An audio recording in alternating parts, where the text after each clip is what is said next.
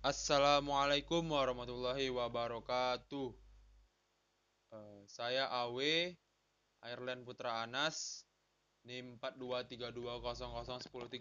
Saya mahasiswa Politeknik Negeri Batam.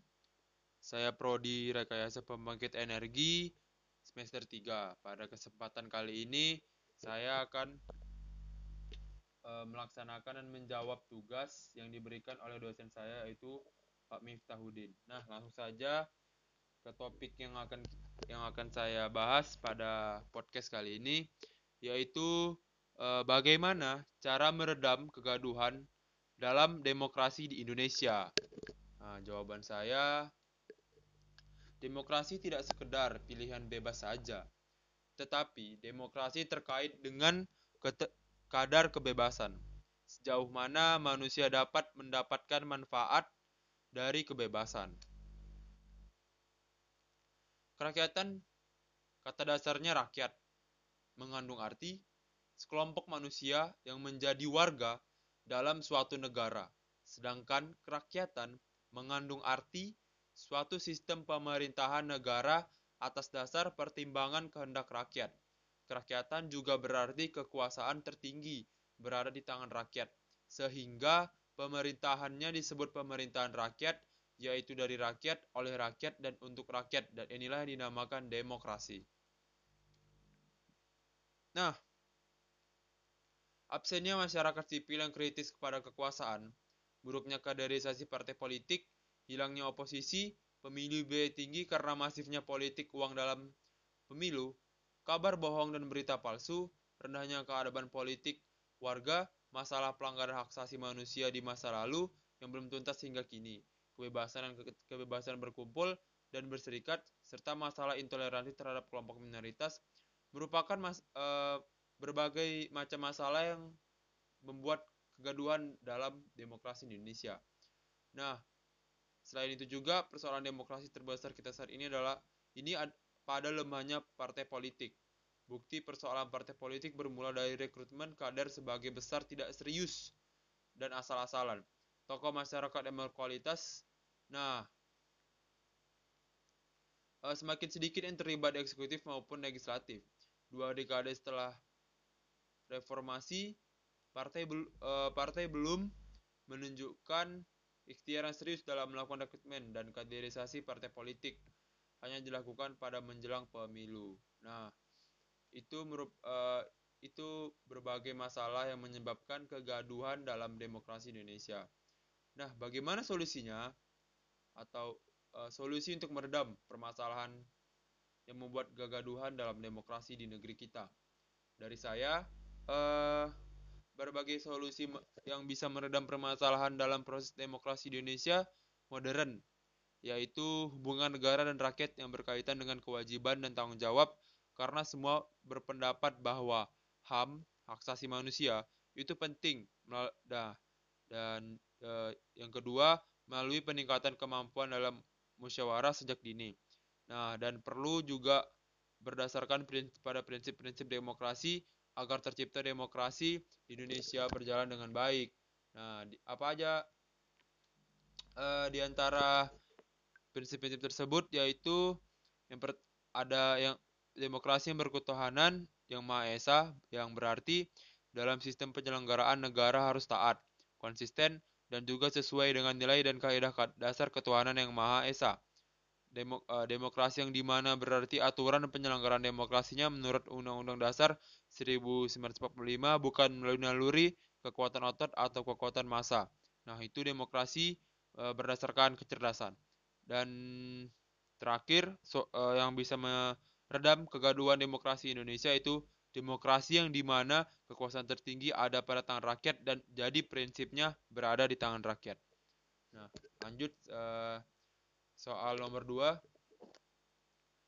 Menyikapi wabah COVID dalam perspektif demokrasi Aret Lipart.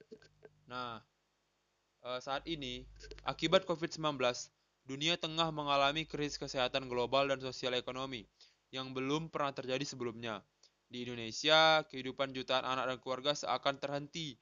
Pembatasan sosial dan penutupan sekolah berdampak pada pendidikan, kesehatan, mental, dan akses kepada pelayanan kesehatan dasar. Wabah ini pertama kali terjadi di Wuhan, Cina pada Desember 2019. Nah, COVID-19 mengubah kebiasaan dan perilaku masyarakat pada tataran politik. Pandemi menciptakan regulasi dan cara berpikir baru bagi pemerintah dan masyarakat lokal dan global. COVID-19 juga telah mengubah demokrasi parlementer, partai politik, dan pemilu dalam menjalankan fungsinya. Sebagai demokrasi, Indonesia harus berhati-hati dengan kebijakan terkait pandemi tanpa mengurangi nilai demokrasi. Nah, untuk mengatasi pandemi COVID-19 yang kian memburuk, memakai pemerintah untuk mengambil sikap yang tepat. Untuk itu, Presiden Joko Widodo mengimbau setiap individu untuk menerapkan social distancing sebagai salah satu langkah dalam mengatasi pandemi COVID-19. Social distancing merupakan salah satu langkah pencegahan dan pengendalian infeksi virus corona dengan mengimbau masyarakat untuk membatasi kontak langsung atau menjaga jarak dengan orang lain dan membatasi kunjungan ke tempat-tempat ramai. Penerapan social distancing mengharuskan seseorang tidak boleh berjabat tangan dan menjaga jarak saat berinteraksi dengan orang lain, terutama orang yang sedang sakit dan berisiko tinggi menderita COVID-19. Sementara itu, tingkat kepatuhan masyarakat untuk menjaga jarak sosial masih terlihat rendah, karena masih terlihat warga tetap melakukan aktivitas di luar rumah untuk tujuan rekreasi, duduk berkelompok, berkumpul tanpa menggunakan masker atau menjaga jarak. Di Indonesia, pemerintah tidak menggunakan istilah lockdown sebagai langkah pengendalian wabah virus corona. Akan tetapi sebenarnya tidak ada perbedaan yang signifikan antara istilah lockdown, karantina wilayah, dan darurat sipil. Nah, untuk itu, dampak lockdown bagi masyarakat yaitu dapat menurunkan angka penyebaran COVID virus corona karena membatasi mobilitas penduduk dan mencegah berkumpulnya masyarakat. Namun di sisi lain, kebijakan ini juga berisiko menimbulkan beberapa dampak bagi masyarakat, yakni masyarakat berisiko mengalami ketakutan, kecemasan, dan kesepian karena tracing dan dari lingkungan sosialnya. Hal-hal tersebut dapat memicu terjadinya gangguan kesehatan mental, kebijak, Kebijakan lockdown juga akan sangat berdampak pada perekonomian masyarakat dan negara karena tidak dapat keluar rumah. Banyak warga yang kesulitan mencari nafkah. Hal ini tentu akan lebih dirasakan oleh orang-orang yang tidak dapat bekerja dari rumah. Nah, kurangnya kemudian masyarakat terhadap kesehatan diri dan lingkungan yang sebelum pandemi membuat masyarakat lalai dengan kewajibannya untuk menjadi warga yang disiplin dan tanggung jawab. Perilaku hidup bersih dan sehat atau yang disingkat PHBS adalah semua perilaku kesehatan yang dilakukan atas kesadaran sehingga anggota keluarga atau keluarga dapat menolong dirinya sendiri di bidang kesehatan dan berperan aktif dalam kegiatan-kegiatan masyarakat di eh, PHBS itu jumlahnya banyak sekali, bisa ratusan. Misalnya tentang gizi, makan beraneka ragam makanan, minum tablet tambah darah, mengkonsumsi garam beriodium, memberi bayi dan balita kapsul vitamin A, tentang kesehatan lingkungan seperti membuang sampah pada tempatnya, membersihkan lingkungan, setiap rumah tangga dianjurkan untuk melaksanakan semua perilaku kesehatan dalam masa pandemi COVID-19 ini. Nah, bagaimana upaya penerapan indikator PHBS di tingkat rumah tangga di sekolah, di tempat kerja, dan tempat umum, dan tempat lainnya? Tentu sangat tergantung lagi dengan kesadaran dan peran serta aktif masyarakat di lingkungan tempat tinggalnya masing-masing sebab upaya mewujudkan lingkungan yang sehat akan menunjang pola perilaku kehidupan rakyat yang sehat secara berkelanjutan. Pandemi COVID-19 yang terjadi di Indonesia telah membawa perubahan dalam berbagai bidang, salah satunya di dunia politik. Pemerintah seharusnya memanfaatkan kondisi darurat ini mendekatkan diri atau kembali lagi kepada konstituennya sebagai perwakilan rakyat, bukan malah mencari keuntungan dari segi materi maupun politis. Selain itu, Peran media juga menjadi pusat perhatian dalam melihat situasi ini, karena banyak media hanya menyebarkan informasi yang memburuk, memperburuk kondisi masyarakat. Media hanya memperhatikan rating saja tanpa mengutamakan informasi yang sangat dibutuhkan oleh masyarakat Indonesia. Dampak pada kehidupan sosial dari wabah COVID-19 ini yaitu diberlakukannya new normal atau adaptasi kebiasaan baru menjadi mantra penting yang dipakai oleh WHO atau Organisasi Kesehatan Dunia, dan pemerintah di berbagai negara untuk berdamai dengan COVID-19. New normal menunjukkan aspek-aspek perubahan yang terjadi sebagai dampak dan respon atas situasi pandemi global ini.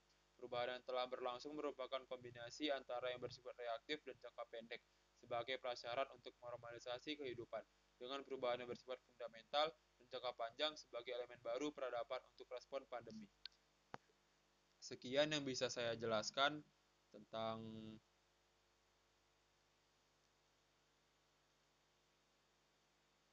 tentang materi pada minggu ketujuh.